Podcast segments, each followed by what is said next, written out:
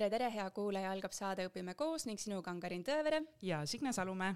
Ja täna oleme Signega tulnud äh, pealinna Tallinnasse ja oleme siin Vabaduse koolis ja kohtume, võib öelda vist äh, kiirreageerijatega.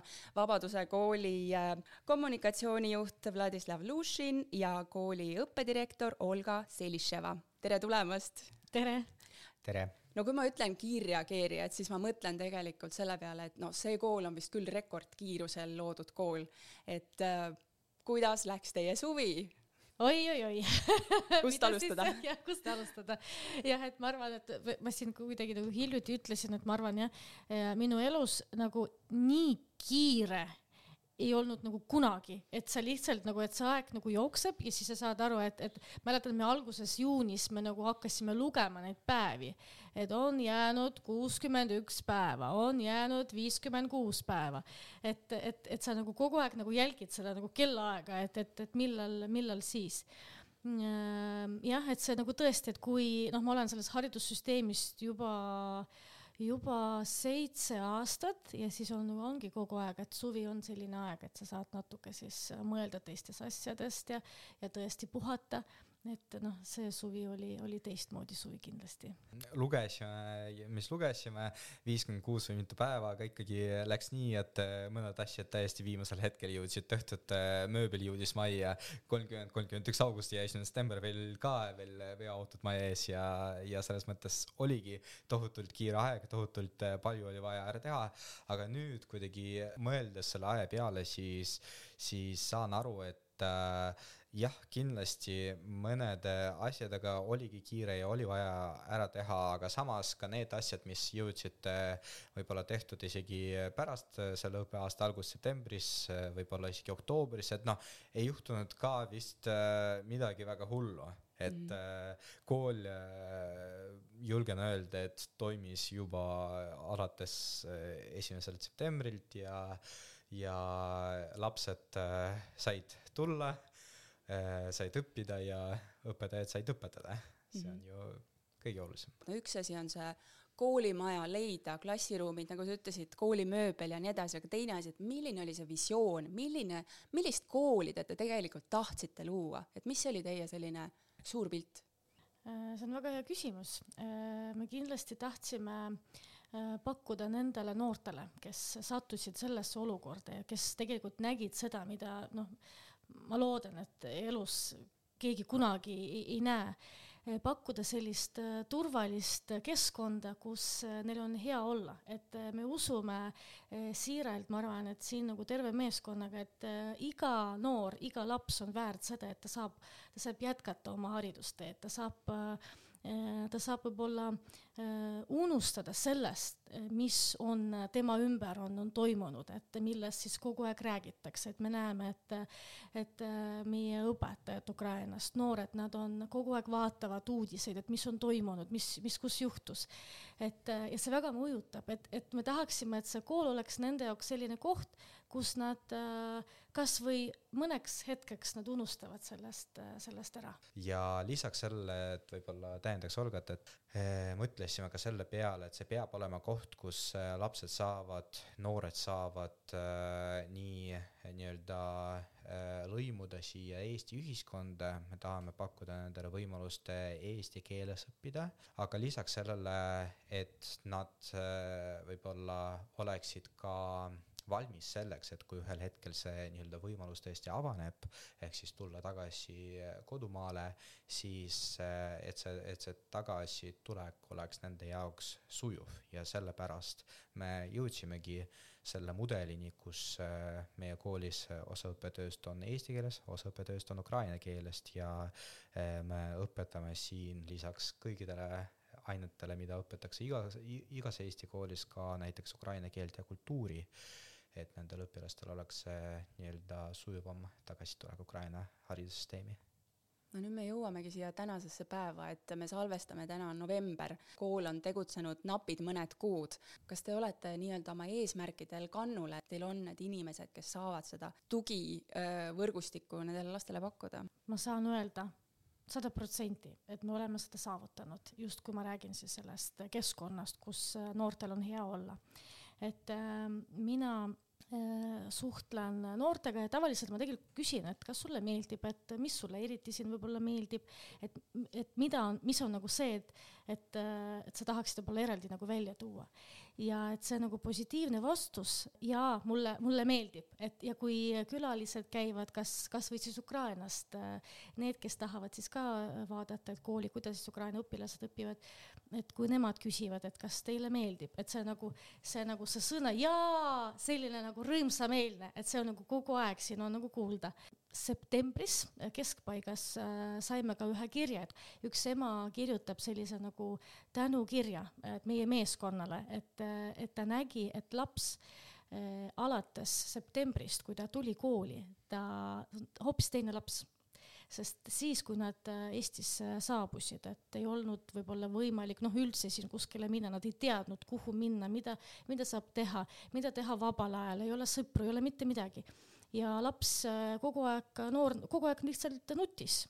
Ja siis, kui ta sattus siia kooli, ta näeb, et tema laps äh, naeratab. Ja see oli, ma arvan, see nagu noh, nii oluline võib-olla kiri meie jaoks, et, et jah, tihti me nagu kirjutame selliseid kirju, mis on noh, kui midagi on näiteks ei meeldi või midagi tahaks muuta, et miks on nii või miks on naa. Aga see oli selline hästi nagu siiras, et äh, kus ema tänab ja nende isa elab praegu Ukrainas, et noh, nad ei saagi äh, koos olla. ja siis ta ütles, et ta palub, et äh, et isa poolt öelda ka suur aitäh, sest ta näeb läbi ekraani, et tema laps on tal on naeratus näol, et see on hästi oluline. no mina küsikski siin isadest, et me just ju tähistasime isadepäeva et äh, mina kaotasin oma isa, kui ma olin äh, just seitseteist saanud ja kui traagiline see oli, et ma ei kujuta ettegi praegu, olles sõjapõgenik äh, võõras riigis, just tähistati siis isadepäeva, et kuidas sellised väga emotsionaalsed teemad siin koolis esile tulid. Ja, ja kes võib-olla räägite rohkem, et kes on siis tugipersonal, kes siin on toeks õpilastele siin äh, õpilastel on toeks üsna palju inimesi, tegelikult meie see arusaam on see, et igaüks, kes siin koolis töötab, alates õppedirektoriks kuni, õppedirektorist kuni administraatorini, on õpilastele toeks, kokku siin üle kaheksakümne toetaja, aga kindlasti, kui me räägime konkreetselt nendest suurematest muretest, siis nendega saab alati pöörduda meie tugispetsialistide poole, meil on siin üsna suur äh, Äh, tugimeeskond, äh, kokku on vist seal üheksa inimest, äh, kolm õppenõustajat, kaks sotsiaalpedagoogi, üks psühholoog, üks eripedagoog. vot on raske isegi jah ja. öelda, et kes meil veel on ja abiõpetaja ja mm. -hmm. me näeme, et ka nendel on juba tekkimas üsna sellised usalduslikud suhted õpilastega. enam ei ole nii, et ainult siis tullakse psühholoogi või sotsiaalpedagoogi juurde siis, kui öeldakse, et peab tulema, vaid äh, tõesti äh, noored ise tulevad, sest et nad saavad aru, et need inimesed ongi siin konkreetselt selle jaoks, et neid ära kuulata ja aidata. Ja tugimeeskond on tõesti väga professionaalne, suurem osa sellest meeskonnast on äh, tegelikult jõudnud samuti Eestisse Ukrainast. Ja meil on mitu meeskonnaliiget seal, kes on tegelikult läbinud ka neid selliseid nagu koolitusi, kuidas tegeleda näiteks traumakogemusega noortega ja me näeme, et praegu see tugi, mida nad saavad pakkuda, on tõesti nagu väga heal tasemel ja nendel on kogu aeg need nõustamisajad kinni. Ja on näha, et noored eh, seda abi vajavad hästi palju ja saavad ka hästi palju ma mäletan, et või tähendab just, ei mäleta, on ju, kui ma mõtlen tagasi, et aasta peale isa surma, kas üldse mingit õppimist toimus mu elus, vaevalt, et et kuidas siin on, et, et me ju teame, et kui on hirm, kui on mure, et kui need baasvajadused on rahuldamata, et siis, siis me ei saagi üldse mitte midagi õppida, et et kuidas te näete siin, et ma saan aru, Osi oli positiivne, laps naeratab ja tore, et kas siin ikka õpitakse ka või ongi ainult selline siis nende murede, hirmudega tegelemine, et mis see nagu igapäevaelu siin koolis on? Noh, ja muidugi see on mõnes mõttes ka väljakutse, et need noh, see pinge ja need emotsioonid on kindlasti nagu siin on hästi nagu palju on seda nagu näha ja kuulda ja nagu tajuda ähm,, aga et see nagu rõhk õppimisele on kindlasti meil on ja me seda, me seda jälgime ja me seda siis toetame. ja noh, ma ütleks, et see on tegelikult Ukraina peredele on, see on hästi oluline aspekt, et õppimine, et kas siis, et nad tahavad olla kindlad selles, et kas ikkagi siis matemaatika on, on sama, samal tasemel või füüsika või keemia samal tasemel, nagu meil Ukraina koolis oli, et nad tegelikult muretsevad sellest. ja see on selles mõttes väga hea, et nad, see nagu haridus on nende jaoks ikkagi nagu hästi oluline, et, et nad saavad aru, et miks nagu see on nii oluline eriti praegu, et nad ei tea, kus nad siis jätkavad, mis ülikoolis nad jätkavad ja millal nad saavad äh, tagasi koju.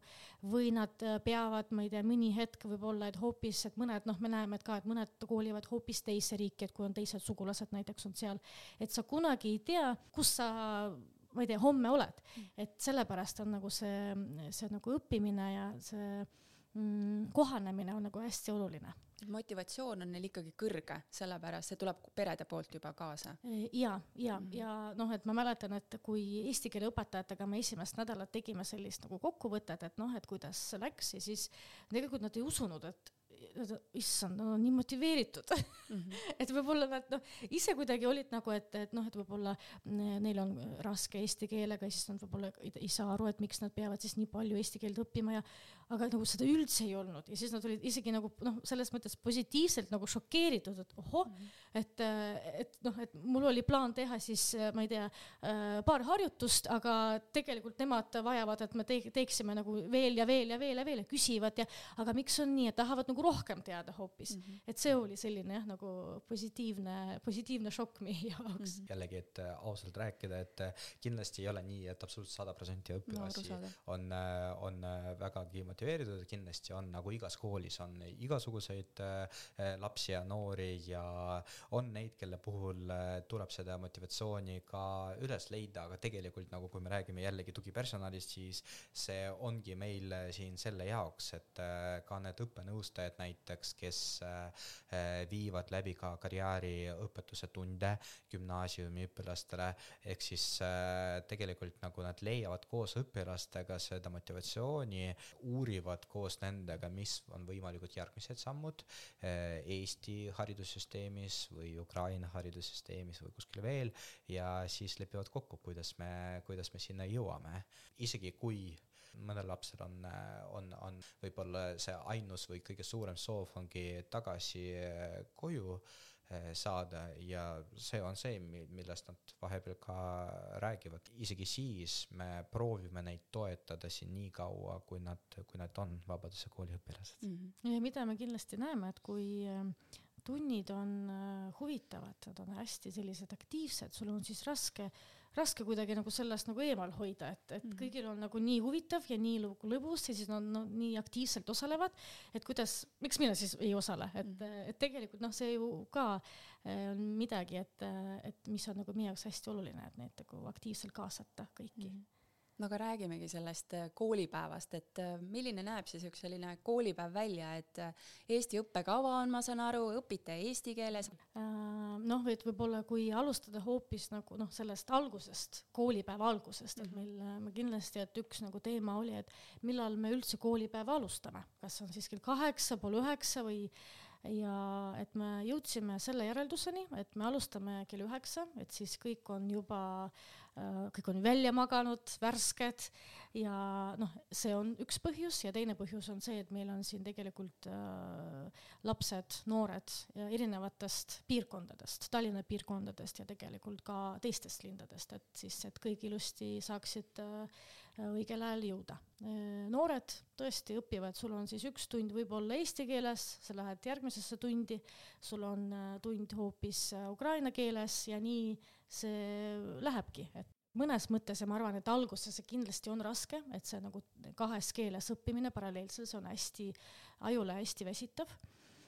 ja ma arvan, et, et noored kindlasti, et nad äh, väsivad äh, kiiremini võib-olla, mm, kui mõelda sellest majast, hoonest, et siin on, ma arvan, et me väga noh, oleme, kui küll me ei ole liitunud Liikuma kutsuva kooliga, aga me kindlasti oleme siin Liikuma kutsuv kool, kuna see maja on hästi selline noh, natuke labürint, et siin peab äh, hästi palju liikuma, mis on tegelikult ka väga hea ja et äh, me kindlasti tahame ka noortele pakkuda rohkem sellised võimalused, mida nad saavad siis ka äh, vahetunnis teha, et kuidas nad saavad siis veel aega veeta, et kas siis me noh, näiteks panime äh, erinevaid lauamänge, et siin on male oli hästi populaarne et, et see nagu sotsialiseerimise osa, et nad saavad siis mängida oma klassikaaslastega või, või hoopis nagu teiste koolikaaslastega, et, et omavahel siis kuidagi õppida tundma ja suhelda kui ma räägin veel äh, sellest äh, koolipäeva algusest, siis jah, nagu Olga mainis, et tegelikult on ka neid noori, kes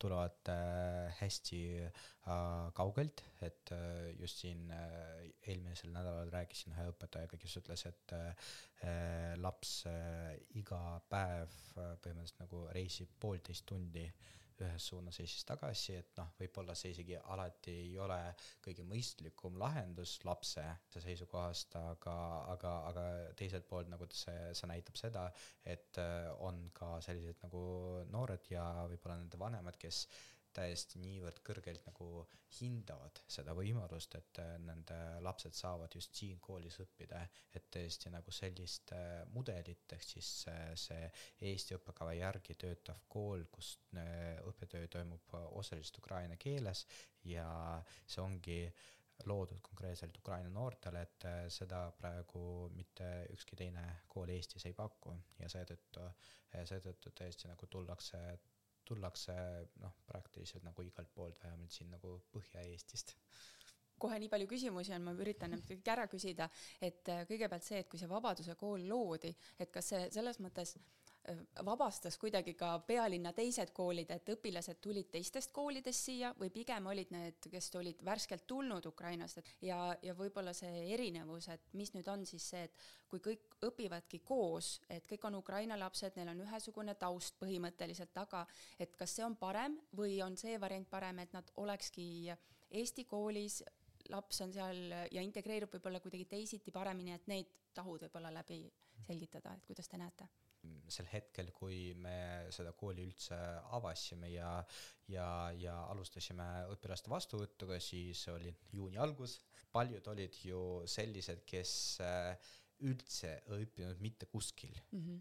enne, ehk siis kes olid Eestis juba äh, mitu kuud, aga noh, heal juhul äh, tol hetkel nad kuidagi õppisid online Ukraina koolis, aga oli ikkagi üksjagu neid, kes üldse jäid sel kevadel nagu haridusest ilma ja meie kooli eh, esimene prioriteet oligi see, et leida üles sellised õpilased ja pakkuda nendele eh, ikkagi eh, haridus, hariduse saamise võimalust siin mm -hmm. Tallinnas kindlasti oli ka neid, kes õppisid äh, kevadel juba mõnes Tallinna koolis, näiteks noh, ma, mäletan, et üksjagu neid õpilasi, kes äh, läbisid seal äh, selle kohanemisprogrammi Kopli ametikoolis või veel mõnes teises kutse, kutseõppeasutuses. Ja noh, muidugi ka nende avaldused me võtsime vastu, küll aga augustis me jõudsime sellisesse olukorda, kus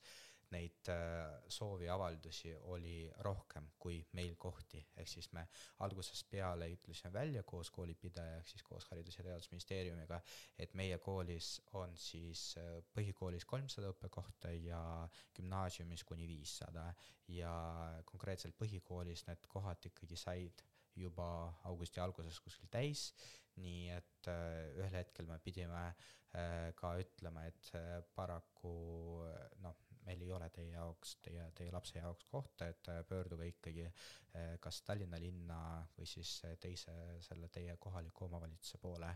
ja me näeme, et praegu on, on neid peresid, kes, kes ikkagi tulevad ja küsivad, et kas on võimalik ikkagi meie kooli saada, et kui meil juhtub nii, et mõni koht vabaneb, sest et noh, nagu Olga rääkis, et mõni eh, pere näiteks läheb Eestist ära, sõidab tagasi Ukrainasse või mõnesse teisse riiki, siis me saame eh, seda kohta pakkuda, aga tõesti, nagu nende kohtade arv, on ikkagi piiratud et teil on ootejärjekord taga ja kui me räägime põhikoolis, siis see on see nii-öelda progümnaasiumi osa, seitse, kaheksa, üheksa, üheksas klass. jah, täpselt. Ja et mõnes mõttes me tõesti nagu aitasime Tallinna linna selles, et mm, -hmm. et, et kuidagi nagu seda, seda pinget ja et noh, et no neid noori ja lapsi on tõesti väga palju ja see, et noh, see selle küsimuse teine osa mm -hmm. oli, et kumb on siis parem, et mm -hmm. kas on see, et äh, kuidas nad saavad siis hästi integreeruda, kui nad on siis kõik koos nii-öelda eraldi mm -hmm. või on siis see parem variant on see, et kui nad on siis noh, erinevates,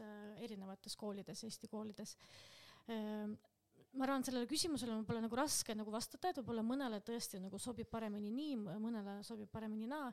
Ja et äh, see on äh, üks meie kooli väljakutse, et, et pakkuda võimalust, et kuidas siis nad saavad integreeruda, vaatamata sellele, et nad on siin kõik koos, et keda me saame siis äh, kutsuda, kuhu tulla, et mis koolidega äh, sõprustada näiteks, et, et neil oleks võimalus äh, siis suhelda ja, ja aru saada, et mis äh, rohkem võib-olla Eesti kultuurist ja kombetest ja nii edasi.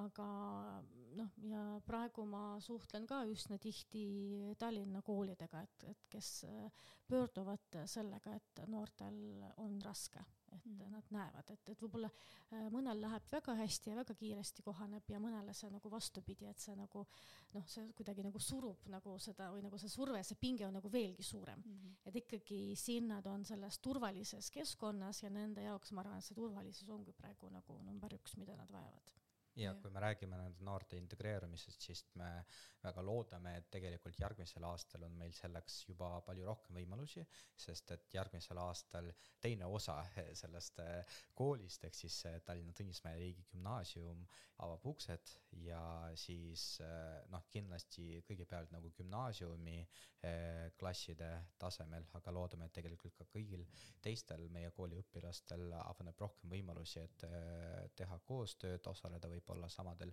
sündmustel ja võib-olla miks mitte valikainetes ja, ja nii edasi koos eh, Tallinna Tõnismäe riigigümnaasiumi, aga ka teiste Tallinna riigigümnaasiumide õpilastega. just hiljuti leppisin kokku, et äh, kindlasti lähme äh, ja külastame Saaremaa gümnaasiumi, et Saaremaa ongi siis, on nagu ka väga selline äh, huvitav koht, mida külastada ja seal on hästi nagu suur äge kogukonnakool, et siis kindlasti teeme sellist käiku mm.. ja et tegelikult selles riigigümnaasiumite võrgustikus meil on äh, väga palju äh, selliseid koostöökohti, väga, palju huvitavaid koole, mida külastada, keelt õppida ja, ja siis, äh, kes omakorda võib-olla saavad ka meil, meil, meilt natukene õppida.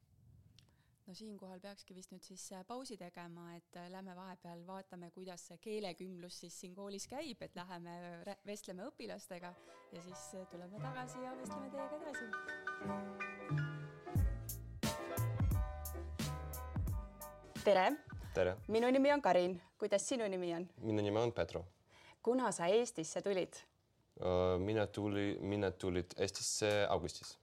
mis sinu hobid on? minu hobid on mängin kitarri ja mängin teatris. täna sa oled siin Ukraina koolis, mis sulle siin koolis meeldib? mis, mis koolis siin koolis, mis sulle meeldib? jaa, väga meeldib, jaa mm. -hmm. kas eesti keelt on keeruline õppida? Kerge, jaa. kerge on õppida? jaa, kerge õppida. no mis on kõige ilusam eestikeelne sõna? Eestikeelsena, eestikeelsena väga ilus sõna on luuletaja. luuletaja? luuletaja, jah. väga poeetiline jaa, aitäh milline on ukraina keeles kõige ilusam sõna? Ukraina sõna on mõlozvučnist. mis see tähendab? jaa, see on eesti keeles, see on eufoonia ma ei tea isegi eesti keeles, mis see tähendab aitäh sulle, väga tore, aitäh, sulle. aitäh wow!. aitäh sulle. aitäh. tere, minu tere. nimi on Karin, kuidas sinu nimi on? minu nimi on Eva. tere, Eva. kuna sina Eestisse jõudsid? kuna sa tulid Eestisse um,? ma tulin Eestis märtsis. märtsis. kuidas sulle Eestis meeldib? ja on küll. on kena mis on eesti keeles kõige ilusam sõna mm,? ajakirjanik. ajakirjanik, no mina tunnen ka ennast natuke ajakirjanikuna praegu, et esitan sulle küsimuse, küsimusi, kelleks sina tahaksid äh, suurena saada? ei tea praegu. ja, ja. Mm, ma tahan saada viiuldajaks. viiuldajaks, äh, kas sinu hobi on muusika? Jaa, minu hobi on mängin kitarri ja klavrit, but minu professioon on viiuldajaks. viiuldaja, väga põnev. kas sa Eestis ka praegu saad oma hobidega tegeleda? kas sa mängid siin Eestis ka kitarri, klaverit? jaa, Eestis ka. suurepärane, aitäh sulle.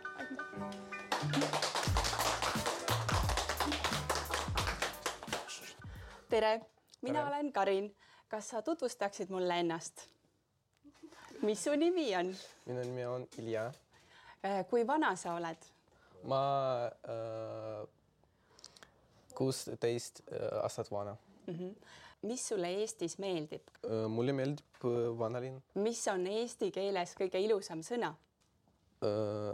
Eesti keel, ja tere, ütle uuesti. tere tere, muidugi tere, viisakas eelkõige. mis on ukraina keeles kõige ilusam sõna? veselka, mis see tähendab? vikerkaar vikerkaar, väga hea. kelleks sa suurena tahaksid saada? ma tahan saada äh, multimeedia disaineriks kas see on sinu hobi ka arvutites äh,. toimetamine? ei ole, minu hobid on joonistan. Joonistad, aga see on seotud omavahel, et suurepärane. aitäh sulle intervjuu eest. tere, minu nimi Tere. on Karin, kuidas sinu nimi on? minu nimi on Liisa Liisa, kui vana sa oled? um,. kuusteist, seitseteist? homme on seitseteist homme, homme on sul sünnipäev, nii palju õnne siis juba ette sulle. kuna sa Eestisse jõudsid, um,. Millal sa Eestisse tulid? mis kuus, mis kuus oli? Uh, aprill aprillis jõudsid Eestisse. sa õpid siin Eesti koolis eesti keeles, mis on eesti keeles kõige ilusam sõna? perekonnanimi perekonnanimi, see kõlab üsna naljakalt. aga mis on ukraina keeles kõige ilusam sõna ja mis see tähendab? leib leib, siis ma mõtlesin, et see on haigla, ma ei tea, miks mul selline seos tuli. mis on sinu hobid? Äh, minu hobid on, äh, ma mängin kitarri äh, ja teen sporti. ahhaa, mis sporti sa teed mm,? ka figurne katanje. iluuisutamine. mina olen ka suur spordisõber, aga mina ei tegele iluuisutamisega, nii et väga äge. aitäh sulle, et sa andsid meile väikese intervjuu. suurepärane kas õpetaja annaks ka meile väikse intervjuu? ja, see tuleb mulle ootamatult, aga meile vist ka. ja, ja ma võin kohe vastata, ma täna ise ka siin avastasin, et sipsik on väga ilus sõna, Stanislav ütles, et sipsik on väga kena ja, ja minu meelest tõesti on, sest et see kuidagi, see on tegelikult ju väljamõeldud sõna, et, et aga ta on selline armas mm -hmm. ja oma. mis on kõige suurem väljakutse sinu töös igapäevaselt? Äh, minu jaoks on kindlasti äh, võib-olla see keeleline pool, et äh, noh, õpetajana ma olen pikalt töötanud, aga see keeleline pool, et ma pean selles osas ise siin väga palju noh, arenema. -hmm. et, et õppida juurde siis kas ukraina keelt, et õpilased aru, noh, aru saaksid, mis ma mõtlen ja kuigi meil õppetöö käib eesti keeles mm, -hmm. aga ütleme seal vahetunni ajal ja niimoodi, et mm -hmm. siis ikka on vaja rääkida. kas Õpime koos suutis üllatada küsimustega, et äh, oli see nagu põnev ülesanne noortele või oli selline? jaa, see oli väga põnev ja ma panin tähele, kui üks sõna vahetada teise sõna vastu, et siis võib asi väga keeruliseks minna mm. -hmm. et näiteks, et millal ja kunas kasutada, siis on kohe asi mm -hmm. nii-öelda metsas. jah, et ma ise sain aru, et ma ei oska seda üldse. mis on kõige toredam siin õpetamise juures, mis pakub rõõmu? ikka õpilased, tõsiselt, et õpilased on äh, väga motiveeritud ja äh, hea energiaga, et nii et kui tuled, et siis on kohe rõõm õpetada ja, ja, ja, ja mulle väga meeldib, et siin saab selliseid aktiivõppemeetodeid kasutada mm. -hmm. ja meil on väikesed grupid, super. just, no meie saime ka väikse aktiivse vahepala pakkuda just, aitäh. aitäh, aitäh. meie oleme oma ringkäigult äh, tagasi jõudnud, et käisime päriselt klassis vaatamas, kuidas äh, õppetöö toimub. kui ma siin Vladislavi käest küsisin ka ennem, et teil mõlemal on tegelikult äh, vene taust, te olete vene perest. Vladislav käis ka vene koolis. Olga, kuidas sinuga oli? Mina käisin äh, jah, vene. ka vene koolis, et, et te oskate oma kogemusest ka rääkida, kuidas see kümlus siis välja näeb ja ne, see aktiivõpe, et need head praktikad, mida õpetajad tegelikult meie saated kuulates ootavad. tegelikult hästi tihti küsitakse, et kuidas sina õppisid siis. kool andis sellist äh, baasi, et äh, kindlasti et õpetajad väga nagu äh, noh, et oleneb õpetajast, et kas ta annab sulle võib-olla seda nagu seda energiat, et jaa, et see on nagu nii äge tund, ma tahan, ma tahan seda keelt õppida ja, ja tunnis olla. aga kõige tähtsam on tegelikult keskkond, et see keelekeskkond on see, et, et sul ei ole sul võib-olla ei ole nagu teist varianti, et jaa, et sa praegu peab pead hakkama saama, et kas või alguses siis ma ei tea, žestidega hakkad äh, suhtlema, aga siis tegelikult äh, noh, esimest korda žestidega, teine kord ja kolmas kord sa juba ütled ise. see on sellest, millest me siin ka lähtume. et äh, see keelekeskkond, mis on neil, et kui sa tead, et sul on eesti keele tund või sul on eesti keeles näiteks geograafia või bioloogia, et kui sa sinna ruumi sisened, siis sa tead, et seal on kõik eesti keeles ja sul niimoodi aju hakkab juba töötama, et sa tead mm, -hmm, et keemias ma räägin, kasutan seda keelt ja bioloogiatunnis ma kasutan seda keelt. et see nagu seda keelekeskkonda tagada, et praegu, kui te tunnis olite, et tegelikult jah, hästi nagu vähe on vaja kasutada ukraina keelt äh, või, või vene keelt, et nad tegelikult äh, väga hästi, väga kiiresti saavad aru ja mina õpetan ju ka äh, kümnendas klassis eesti keelt, et ma tegelikult kordagi, tõesti jah, kordagi ei ole kasutanud äh, ühtegi venekeelset ega ukrainakeelset sõna et sa leiad selle võimaluse kuidagi eesti keeles, kehakeeles seletada. Siis... ja me kõik oleme natuke näitlejad kindlasti mm, -hmm. nagu teatris, et me hästi palju näitame, et äh, uks, aken äh,, millal, et teiste sõnadega ja et kus on, ma ei tea, millal on sinu sünnipäev või siis hakkad ütlema, et juuni, juuli, august, aa, ja, ja, et siis nad, nad saavad aru, et millest see jutt on ja siis äh, ja siis kiiremini ka õpivad mm. -hmm no eesti keelest, eesti keele tunnist ma saan aru, aga kui sa tõid siin keemia näite, et Vladislav näiteks, kui sa oma kooliajale mõtled ja mõtled praegustele õppijatele, et õppematerjal, et keemiaõpik näiteks, kas see on kuidagi tei-, teistsugune õpik kui tavakooli eesti lapsele mõeldud keemiaõpik? Äh, kindlasti meil on Eestis erinevaid õpikuid, et äh, ja on ka erinevaid teisi materjale mm, -hmm. et äh, mina ka siin õpetan natukene ühiskonnaõpetust, mina tegelikult olen alustav õpetaja mm, -hmm. täiesti esimest korda elus õpetan ka. mina lisaks nendele õppematerjalidele, mis on meil kättesaadavad õpilaste jaoks nii eesti kui ka vene keeles tegelikult, et nad saavad seda ühiskonnaõpetusõpikut äh, lugeda tegelikult kahes keeles. Äh, lisaks sellele ma ikkagi äh, hästi palju loon ise selliseid ülesandeid või slaide mhm. või teisi materjale, mis on palju lihtsamad, ehk siis seal on tihti slaidi peal üks sõna ja siis on hulk näiteks pilte mm -hmm. ja sinna juurde ma veel joonistan ise tahvli peale midagi ja hästi palju näitan žestidega, nii nagu Olga ütles ja hästi palju me proovime lihtsalt äh, kuidagi aru saada, mida need asjad tähendavad äh, kuidagi mingite teiste asjade kaudu, sa proovid nende sõnade abil, mida nad juba teavad, seletada ka neid asju, mida, mida nad veel ei tea ja siis me koos leiame selle sõna.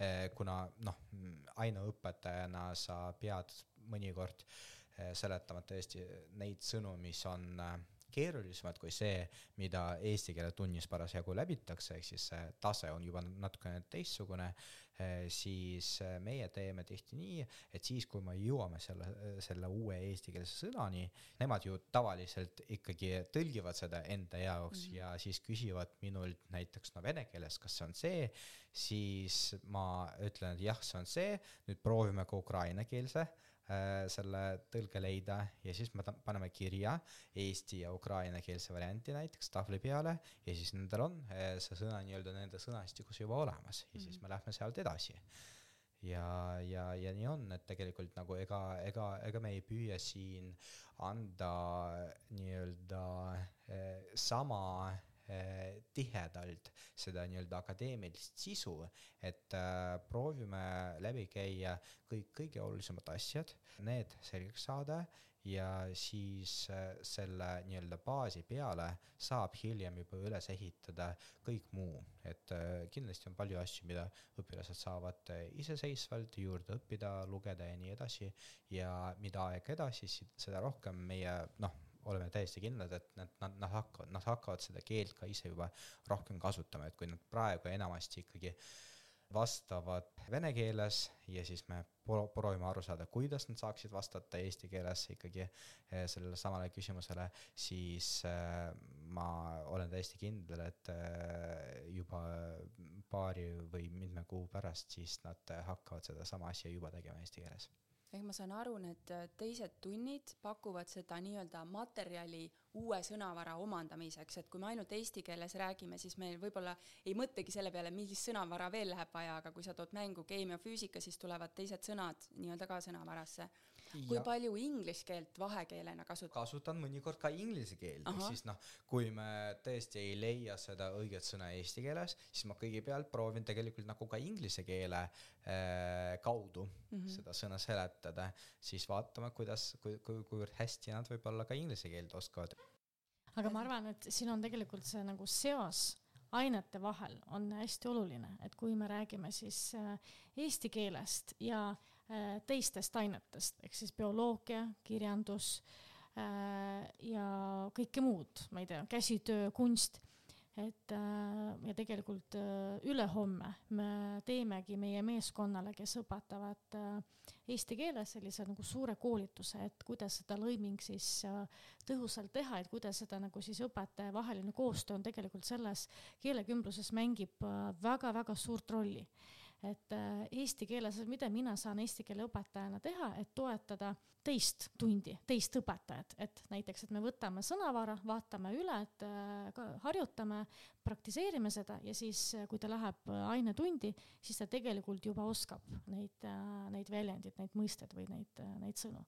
Et see on kindlasti, et millele on vaja pöörata tähelepanu, et tõesti seda näitlikustamist, et noh, materjalid, materjalid peavadki olema hästi sellised pildidega, sellised visuaalid, hästi palju kuulame, äh, näitame, katsetame, äh, teeme, et äh, see on see, et mis nagu aitab seda keelt omandada no sinna tuleb jah see erinevus sisse, et nüüd Vabaduse koolis ongi väike klass ja kõik õpilased on noh, enam-vähem samal keeletasemel ja õpetaja tegelebki ainult nende õpilastega, aga kui me läheme noh, ma ei tea, Tartusse õpetaja, kes õpetab kolm Ukraina klass, äh, last on klassis, äh, siis tal on äh, HEV õpilased, eesti keeled, võib-olla on kuskilt mujalt maalt tulnud ka veel õpilane, et ja peab õpetama matemaatikat või keemiat sellisele klassile, et no ikka päris, päris suur pinge, et kas sellistele õpetajatele teil on ka mingi soovitus anda, et kes peavad kõigega toime tulema?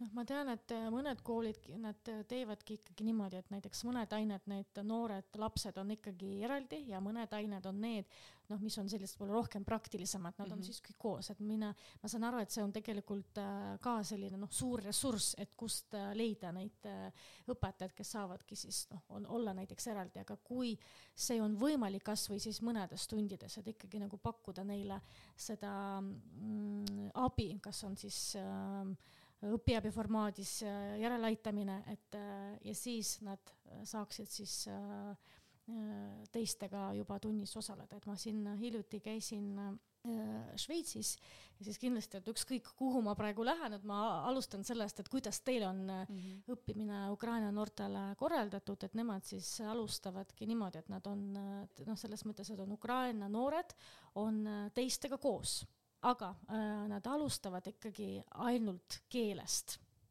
et nad ei õpi midagi muud, et ainult keel ja siis äh, pärast seda, et kui nad näevad, et äh, laps on juba valmis ühinema teistega teistes ainetundides ja siis nad seda teevad mm. -hmm. et võib-olla see on sellisem nagu kõige ähm, noh, üks nagu võimalustest, et mm -hmm. mida siis ka teistele soovitada mm. -hmm see on kindlasti üks äh, hea lahendus, juhul kui on äh, oodata, et see laps on äh, noh, kauem, kauemini seal selles riigis.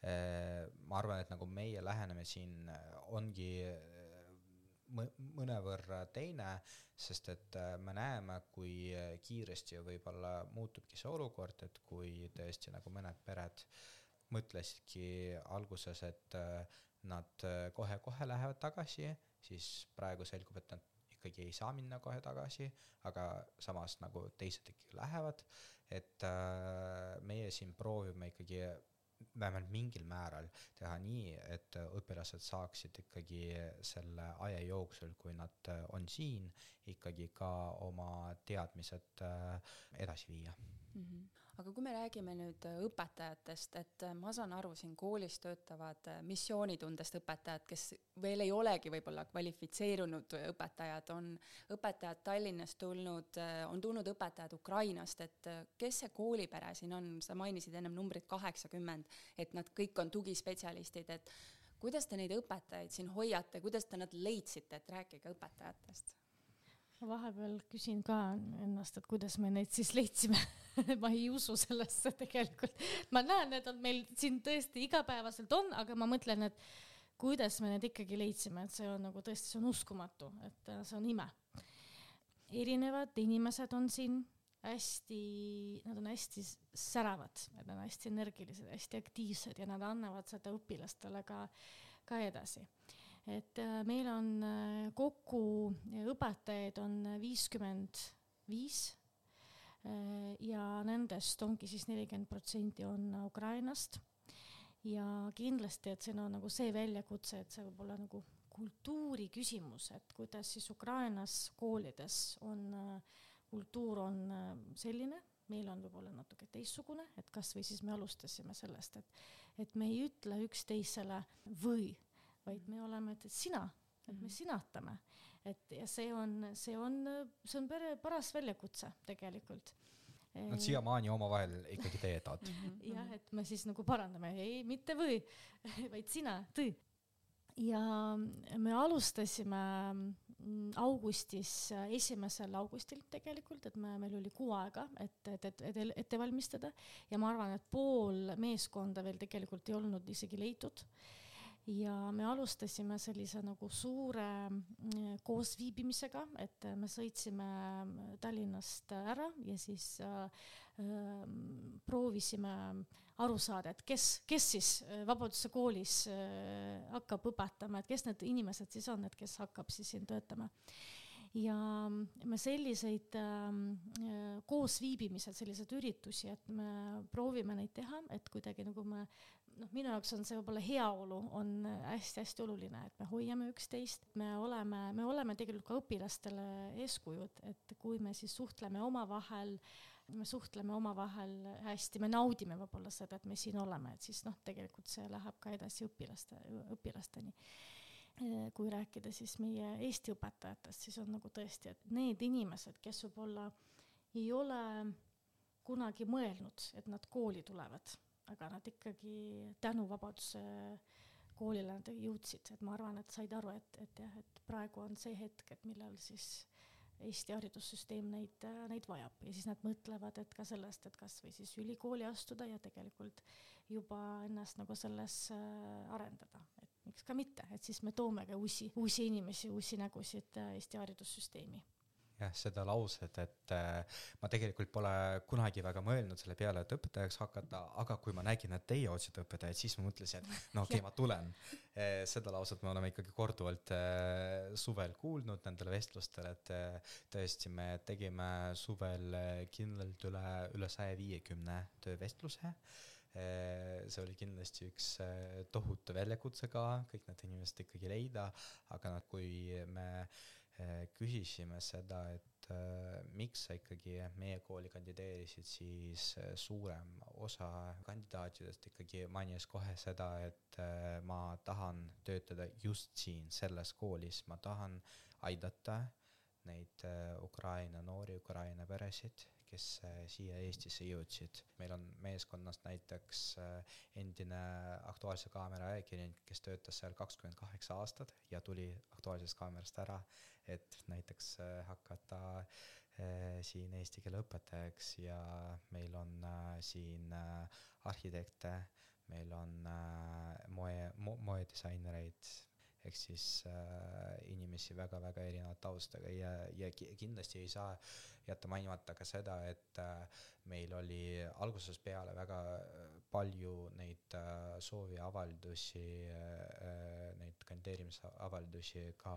Ukraina taustaga õpetajatelt, et äh, seal olukord oli pigem selline eriti alguses, et me pidime tõesti nagu väga-väga palju valima, et kui sa ei ole nagu eriti kursis, mida tähendab see, et õpetaja on nagu töötanud ühes või teises koolis, lõpetanud ühe või teise kõrgkooli, meie jaoks nad nägid äh, kõik suhteliselt nagu ühesugused välja. puhas leht. puhas leht, ehk siis noh, tegelikult me pidimegi hästi palju kohtuma ja siis noh, meie jaoks ma arvan, et äh, ma ei eksi, kui ma ütlen, et äh, kõige olulisem küsimus oli see, et kas äh, üks või teine kandidaat sellele õpetaja ametikohale, kas äh, ta nii-öelda klapib meie äh, väärtustega, mis puudutab nagu meie seda haridussüsteemi ja põhimõtteid, millele me seda kooli hakkasime üles ehitama ja, ja nii me leidsimegi tegelikult nagu sealt sellest hu suures hulgast ikkagi need õiged inimesed ja me näeme, et need inimesed, kes noh, jõudsid meeskonda, et nad, nad on kindlasti väga õiged inimesed mm. -hmm ja need õpetajad, kes on Ukrainast tulnud, need, ma saan aru, saavad siin ka eesti keele õpet. Ja need õpetajad, kellel veel ei ole kutset, aga on hingelt õpetajad, need ajakirjanikud, moedisainerid, nemad siis kas nad, mis te arvate, kas nad jäävad haridussüsteemi, kas nad jätkavad kuidagi oma õpikuid, teevad karjääripöörde äkki? ma arvan, ma loodan, et äh, mõned kindlasti nii teevad ja ma juba näen, et nad juba liiguvad sinna suunda. -hmm. et sa koolijuhina toetad seda teekonda? jah, just mm, -hmm. et äh, mis need, kindlasti ülikool väga, Tallinna Ülikool meilt nagu selles toetab, et see noh, seesama näiteks mikrokraadi võimalus, et et mida siis noh, meie kooli jaoks oli ka lisakohti, on, oli võimalus siis lisakohti saada, et meie õpetajad saaksid ka selles osaleda, et see on tegelikult ka üks, üks suur samm ja kui me räägime Ukraina õpetajatest, siis praegu hetkel veel nad meie koolis eesti keele õpet eraldi ei saa.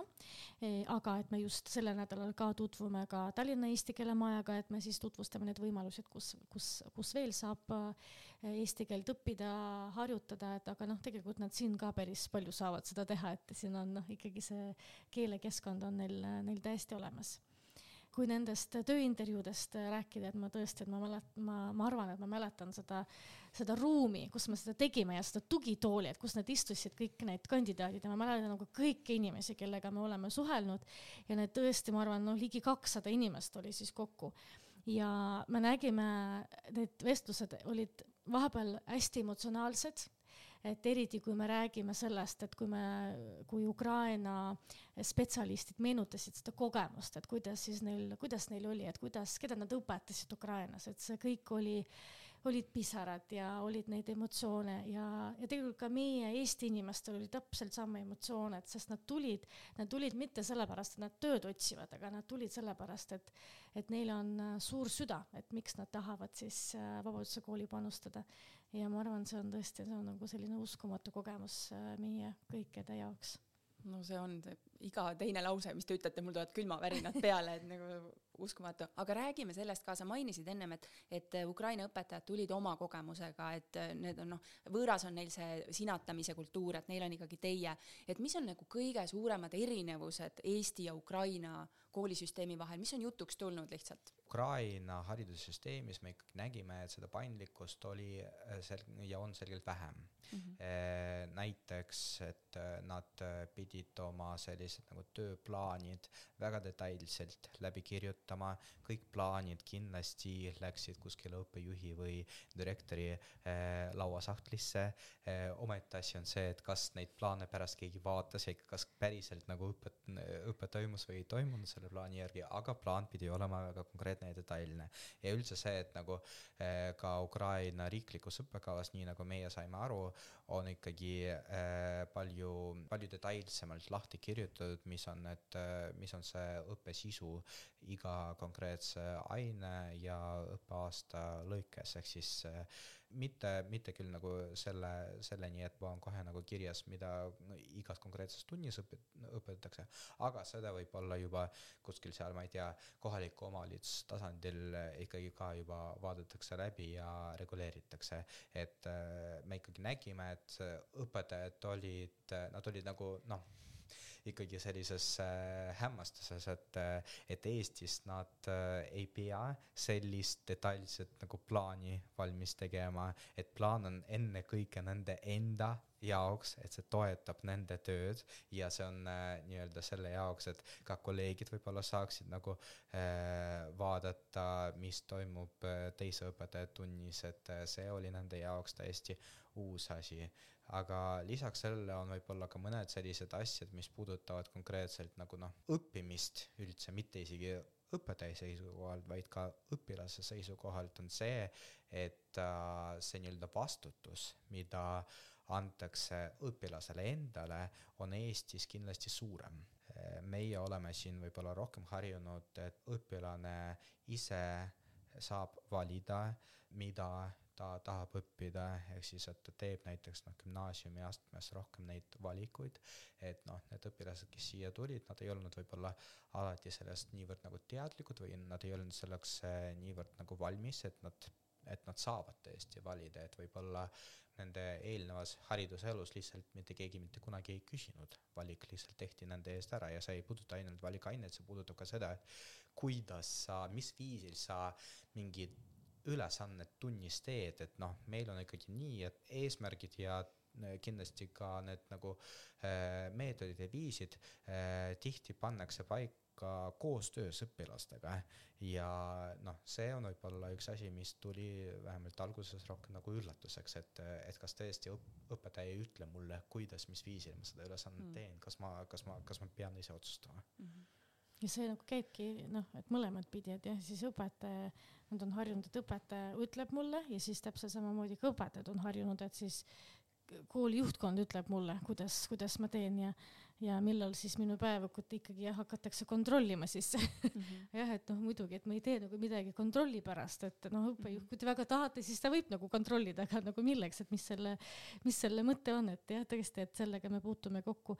ja siis on, kui juba sellest stuudiumist rääkida, et, et see on nagu äh, tehnoloogiline nagu pool on, on ka hästi erinev, et oi, meil siin septembris oli selle stuudiumiga päris väljakutse, et, et kõik õpilased oleksid seal ja siis kasutaksid lapsevanemad ja meie meeskond, et ja, et stuudium on meie, meie põhikanal, et me ei suhtle äh, lastevanematega Whatsappis või on siis kuskil, ma ei tea, Facebookis, Messengeris, aga ikkagi meil on siis ametlik äh, kanal, see on stuudium ja siis äh, saab kirjutada, saab märkuse panna või äh, vastupidi, midagi sellist erilist kirjutada, leida kontakti, et, et leida õpetaja kontakti, et see, see oli paras väljakutse, et meie haridustehnoloog, kes siis liitus meie meeskonnaga septembri lõpus, et oi, tal oli, tal oli küll, küll raske, aga äh, tegelikult praegu on, see on harjumuse küsimus, et praegu nad on tegelikult äh, harjunud on sellega, et jah, et stuudium on see põhi äh,, põhikanal ja see on tegelikult mugav, sa ei pea midagi täitma käsitsi. Äh, sest alguses oli, et aga milleks seda on kõik, et kui meil on äh, paberil saab nagu täita ja siis ei ole vaja õppida seda kõike, et mida te siin nagu äh, meile pakute, et see stuudium on ikkagi nii raske, nii segane ja siis on see eesti keeles ka, et on nagu hästi raske, aga et noh, see on ka üks keelekeskkond tegelikult, et saab siis harjutada ja kohe sa tead, et mis on päevik ja ja, ja mis on suhtlus ja nii edasi jah, just seda ma tahtsingi öelda, et tegelikult nagu need kõik olid äh, ja on hästi tublid, et nii õpetajad kui ka õpilased, lastevanemad, et ma juba näen tegelikult nagu õpilased äh, kohe näevad, et kui stuudiumis midagi jällegi pandi kirja, lisati hinded, veel midagi, kui ikkagi sa kodutöö ütled siis küsitakse, okei okay,, kas te panete stuudiumisse ka, no loomulikult, muidugi panen. aa ah, okei okay,, siis on selge, et noh, siis nad teavad, et nad ei pea kas, kas kirjutama, kirjutama endale kuskile või, või pildistama seda, mida ma tahvlile kirjutasin. ehk siis tegelikult noh, vähemalt õpilased said, said küll juba üsna äh, nagu hästi tuttavaks selle stuudiumiga ja tegelikult nagu statistikast näeb, et ka lastevanemad ikkagi äh, on äh, ka seda omaks võtnud kuidas on Eesti õppekava nii-öelda usalduskrediidiga Ukraina õpilaste ja perede seas, et äh, kui paljud õpilased tegelikult äh, läbivad samal ajal paralleelselt võib-olla Ukraina õppeprogrammi, kas te teate ka ja toetate võib-olla neid? See on veel üks väljakutse, issand, ma ei tea, ma ei tea, mitu korda ma täna ütlesin sõna väljakutse kuidagi päris palju neid on. sest noh, sõnaga tõesti. vabadus tuleb ju, et noh, teil on siin kõik nii vaba, et võib-olla see ongi üks mängukool siin kõik, eks ju, et noh, lihtsalt sealt see küsimus. nii nagu ma alguses rääkisin jah, et kas on ikkagi see matemaatika on teil sama tugev mm -hmm. nagu meil Ukrainas on ja, ja see küsimus äh, oli kindlasti ka, et, et äkki me siis igaks juhuks ikkagi jätkame, et, et, et Ukrainas on see matemaatika on ikkagi väga tugev see on nagu üks osa jah, et võib-olla nagu, et nad muretsevad võib-olla, et, et jah, et ei, me ei anna siis piisavalt mm. -hmm. teine teema on see, et kuna äh, nad ei tea, äh, millal, millal nad saavad tagasi ja ikkagi, et äh, noh, pere otsustab, et sul on siis igaks juhuks et, et me jätame seda kohe, et äkki siis, kui me äh, tuleme tagasi ja kui me praegu siis lahkume koolist, Ukraina koolist, siis me ei saa enam sinna, et noh, näiteks kui see oli mingisugune, ma ei tea, hea kool näiteks nende arvates ja hea klass et igaks juhuks, vot seda nagu võib-olla nagu seda igaks juhuks, et kuule, kuna sul on selline teadmatus kogu aeg, et, et millal siis, millal tuled, kas lähed või kas oled siin aastaks, kaheks aastaks et äh, mul on äh, rühmas ka üks äh, noor, et ma tean, kuidas ta väsis sellest ära, ma näen seda. Ja ta tegelikult hästi ausalt seda räägib, et, et ma ei saa aru, et mida ma pean siis tegema. et kas ma siis õpin eesti kirjandust või ma siis ikkagi teen neid äh, ülesandeid, mida mul seal Ukraina koolis antakse. Ja ma saan aru, et seal on hästi palju antakse. et ta on magamata väsinud, et siin ta on terve päeva, umbes kella neljani, vahepeal ka kella viieni e,. ja ta tuleb koju ja siis on, tal on veel üks täispäev ja siis on ka kodu, kodutööd kindlasti, et, et tal eesti keel ongi tal, tema jaoks on praegu ka üks suur väljakutse, aga noh, mitte sellepärast, et ta ei taha või tal ei ole motivatsiooni, aga sellepärast ta lihtsalt füüsiliselt ei, ei jõua. ja et noh, et me siin äh, klassijuhatajaga ja siis vanematega püüame nagu ka suhelda, et kui on, ta on gümnaasiumis, et tegelikult tal on võimalus äh, jääda siis Ukraina kooli hetkel, et kui pere nii otsustab.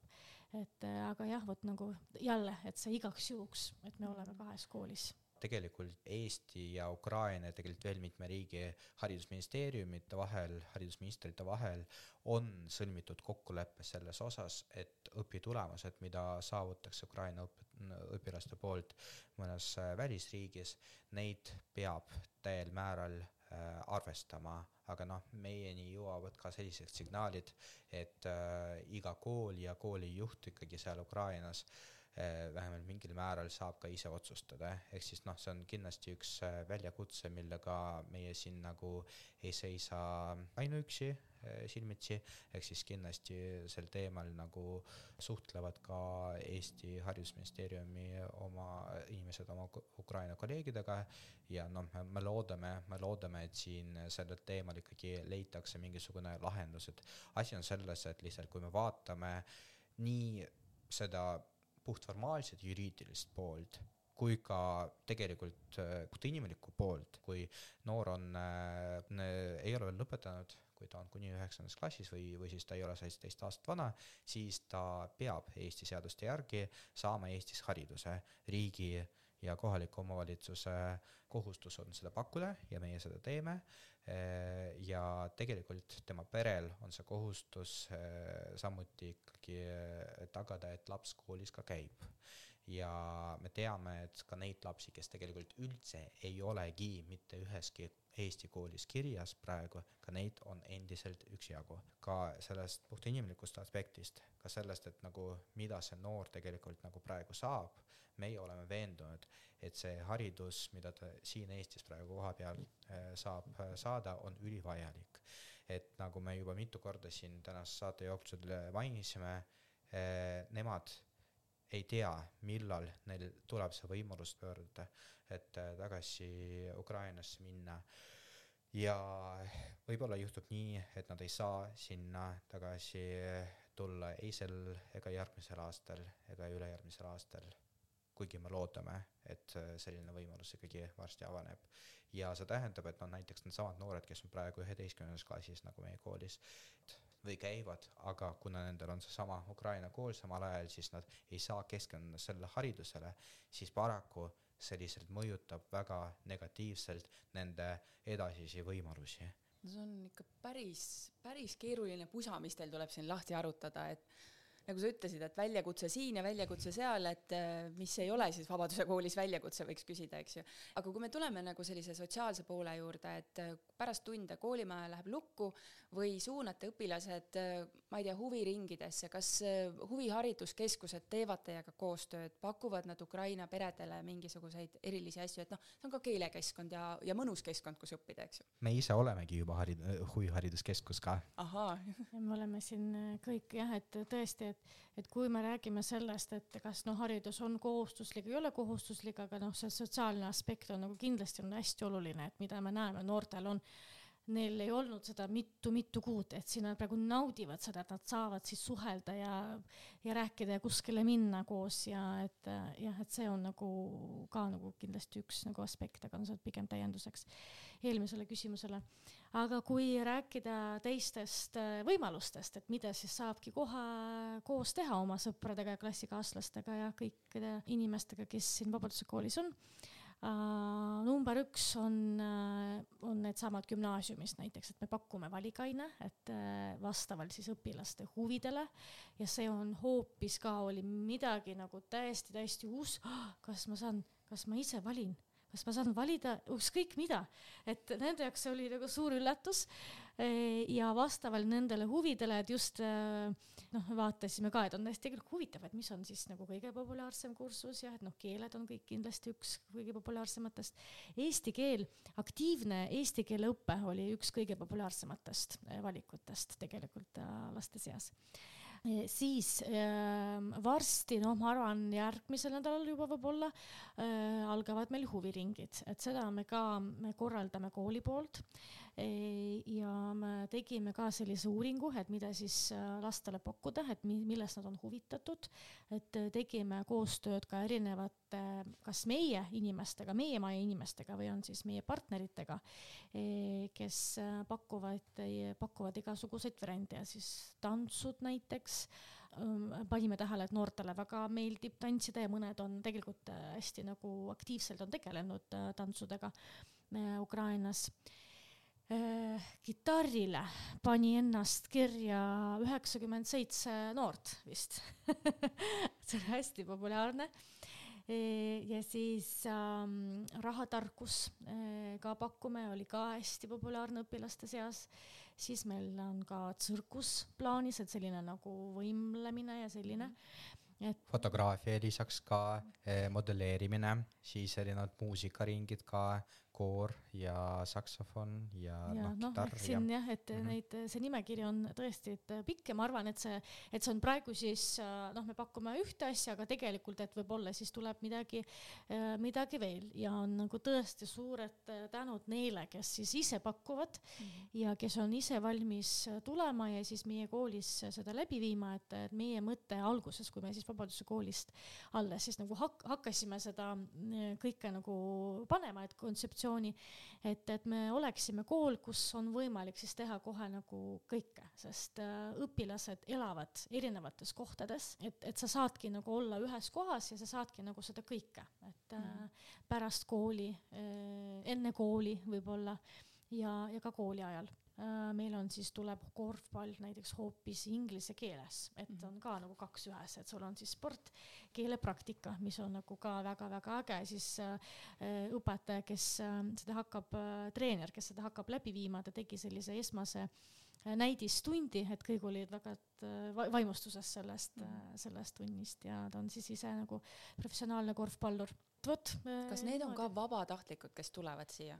Eh, ringe tegema, juhendama mm.? kas on selliseid näiteid ka või need on ikkagi tasustatud eh, linna poolt? tavaliselt nad on ikkagi tasustatud, aga mm -hmm. ma mhm. arvan, et noh, ikkagi me pigem me ise nagu ka saame aru, et see on siis inimeste, inimeste aeg ja inimeste panus, et, et see iga töö tegelikult peab olema me väärtustame seda, et -hmm. iga töö peab olema tasustatud, aga samas päris palju meie pöördute, meie poole pöördutakse ka äh, selliste võimalustega, mis on tegelikult äh, tasuta, ehk siis koolile tasuta ja õpilastel on ka tasuta mm. -hmm. no näiteks ettevõtlusõpe mm, -hmm. juba meil üheksandad klassid osalesid selles e,. siis on ka SPIN programmid, et mida siis äh, see on siis selline võimalus mängida, tegeleda jalgpalliga ja nemad pakuvad ka laagrit peale seda, et näiteks kooli vahel, et ka kooli vahel oleks äh, tegevus. et äh, siis just hiljuti mulle kirjutas, et siis äh, saab ka jalgpallimatši vaadata täiesti tasuta. et, et neid nagu võimalusi, kuhu minna, et kas perega või siis klassiga. Äh, matkale meil siin käis, ma arvan, terve kool vist, et kõik klassid, mulle tundub tõesti, et peaaegu kõik, kõik kakskümmend seitse klassikomplekti käisid matkamas, et see oli nagu ka RMK poolt äh, selline äh, algatus, mis nagu väga-väga meeldis, et mis on siis see raba mm -hmm. Eestis, et, et neid võimalusi õnneks on päris palju Inglise keele vestlusklubi hakkame korraldama ka koostöös äh, USA saatkonnaga Eestis, ehk siis kooli jaoks on jällegi tasuta võimalus mm. no suurepärane, siin võiks vist üleskutse teha, et kui keegi veel tunneb, et tahaks panustada Vabaduse kooli nii-öelda huviringidesse ja tunneb, et tal on energiat ja jaksu, siis ta, tasub teiega ühendust võtta, et. Äh, jaa kindlasti, et me oleme selles mõttes hästi avatud ja tegelikult hästi palju inimesi me leidsimegi niimoodi, et ma olen kuulnud kuskil raadios või televisioonis, et te otsite, et siin ma olen mm, -hmm. et ja vot eh, niimoodi me neid ägedaid inimesi leidsime. Te olete tõenäoliselt andnud neid intervjuuid siin viimastel aegadel võib-olla sadu juba, eks ju, et osad on stampküsimused, aga võib-olla kripeldab hingel, et vot keegi ei ole seda veel küsinud, aga ma tahaks sellest rääkida vaata, no mina nagu tahaks näiteks jagada seda, et me Vladislaviga ka õpime ukraina keelt mm. -hmm. et meie õpetaja, kes õpetab äh, meie koolis äh, ukraina keelt ja kirjandust, et äh, tema siis õpetab meile ka, et see on siis uus väljakutse meile. et sellega me ka näitame, et me siin koolis kõik õpime, et see on meie, see on meie väärtus, et õppimine on lahe ja me terve elu õpime ja meil on ka lastevanematele, et tegelikult, mis võib olla suur teema, mis jäi mainimata, aga mis on, ma arvan, väga-väga oluline, on see, et me oleme kogukonnakool. Ja meil on ka lastevanemate kool, mis on siis äh, meie poolt loodud, et mida siis meie kogukonna juht hetkel äh, juhib. Ja et äh, sellega me näitame ka, et lapsevanemad ka õpivad, et ju nende jaoks on ka hästi palju uut. Ja sellest, mis on kodus, hästi oleneb me näeme, et see nagu laps ja lapsevanem, nad on ju omavahel, et mis meeleolu on lapsevanemal, tegelikult seesama on, on ka lapsel. et, et kasvõi siis tutvustame Eesti haridussüsteemi, meie tugimeeskonda, et mis küsimustega saab äh, pöörduda kooli poole, mis need siis koolivälised partnerid, äh, mis on kohanemisprogramm, Töötukassa, et mida siis lastevanematele, et kasvõi siis noh, mingid tööküsimused, et mis on kindlasti on väga nagu vajalikud, et praeguses seisus nende jaoks. et, et seda me siis äh, üks kord kuus ka lastevanematele pakume jah, mulle lihtsalt nagu meenub üks äh, hetk sellest esimesest lastevanemate kooli kohtumisest, kui tegelikult Olga ja veel üks meie eesti keele õpetaja lihtsalt äh, tegid eesti keele minitunni lastevanematele e, ja näitasid, kuidas päriselus seesama keelekümblusmeetod tegelikult töötab. lastevanemad pidid äh, omavahel ka nat-, natukene siis rääkima eesti keeles, tegema, tegema ühe väikese dialoogi ja kogu tund toimuski sada protsenti eesti keeles ja me loodame, et lastevanemad eh, siis eh, said väga hästi aru, kuidas me siis õpetame nende lapsi niimoodi, et kogu õpe toimub eesti keeles, mida nende lapsed veel vähemalt noh, septembri alguse seisuga veel ei, veel ei osanud, aga kuidas see on ikkagi võimalik, et kõigest saadakse sada protsenti aru jah, ja needsamad aktiivõppemeetodid, et nad siis pidid omavahel suhtlema ka tuttavaks saama, mis on ka hästi oluline. Mina näen näiteks noh, ka kommunikatsioonijuhina nendel väga-väga suurt väärtust, sest et tegelikult nagu nende abil me loome sedasama ühist nagu inforuumi, et tegelikult äh, lastevanemad äh, nende kaudu saavad ka nagu nii palju paremini aru, mis meil toimub ja äh, loodetavasti nad siis äh, ühel hetkel nagu muutuvad, kui nad juba seda ei ole, meie kooli nii-öelda äh, suurteks äh, toetajateks mm. -hmm kas sul, Signe, on veel küsimusi? ma arvan, et me võime siinkohal saate kokku tõmmata. mul on siis veel Olgale, Olgale küsimus, et et ma usun, et sa oled saanud ühe suure elukooli siin selle kooli käima tõmbamisel ja hoidmisel, Vladislav, sinul samamoodi, et mis on see, mida sa ise oled kõige rohkem enda kohta õppinud sellel aastal, et või mida sa oled enda kohta teada saanud? Ma arvan, et äh, ma sain võib-olla seda, et kõik on võimalik. ja mina äh, elan tegelikult seda printsiipi, et oli isegi mingisugune film, mille pealkiri oli Alati ütle jaa. ja siis, kui ma sain üldse sellest teada, et selline kool tuleb ja vot selline ettepanek on ja et alguses ma mõtlesin, et äh, kas te nalja teete või? esimesel septembril alustame, terve kool, kuussada noort. ei, teate ilma minuta ja et noh, siin, siin ma praegu olen, et võib-olla nagu see, et alati ütle jaa, et see kuidagi mind nagu mõjutas, et äh, aga okei okay,, et äh, proovime. ma sain võib-olla nagu ka seda teada, et ma nägin, kui palju inimesi minu ümber usaldasid mind. Et äh, siis ma arvan, et ma teen midagi, midagi õigesti, et kui, kui see usaldus ja selline, et jaa, riskime, et mm. me oleme valmis äh, sinuga riskima, me oleme valmis äh, panustama. et äh, ma arvan, et see on kõige tähtsam, mida ma sain teada mm. -hmm. kas Vladislav, sul, sa oled seal kooli juhtimisel ka mängid suurt rolli? mulle tegelikult tohutult meeldib toetada inimesi. mulle meeldib ka kuulata ära teiste inimeste äh, mured ja äh, toetada neid äh, sel teekonnal, et nad äh, tegelikult nagu ise suuresti leiaksid ka lahendused. No need on ilusad enesearengu mõtted on siin lõppe, lõppu aga suured-suured tänud teile, et te tutvustasite Vabaduse kooli, et te lasite meil siin vabalt ringi rännata ja vabalt inimestele nii-öelda mikrofoni külge panna ja neid intervjueerida ka. ja ma ei teagi, kas peaks soovima seda, et kõik need Ukraina pered, kes soovivad Ukrainasse minna, et nad saaksid seda teha ja teie saate toetada Tallinna koole siin edasi sellise keelekümbluskeskkonnana, et äh, kui me läheme edasi eestikeelsele õppele, et see keskus ja see baas on ju loodud siin tegelikult suurepärane.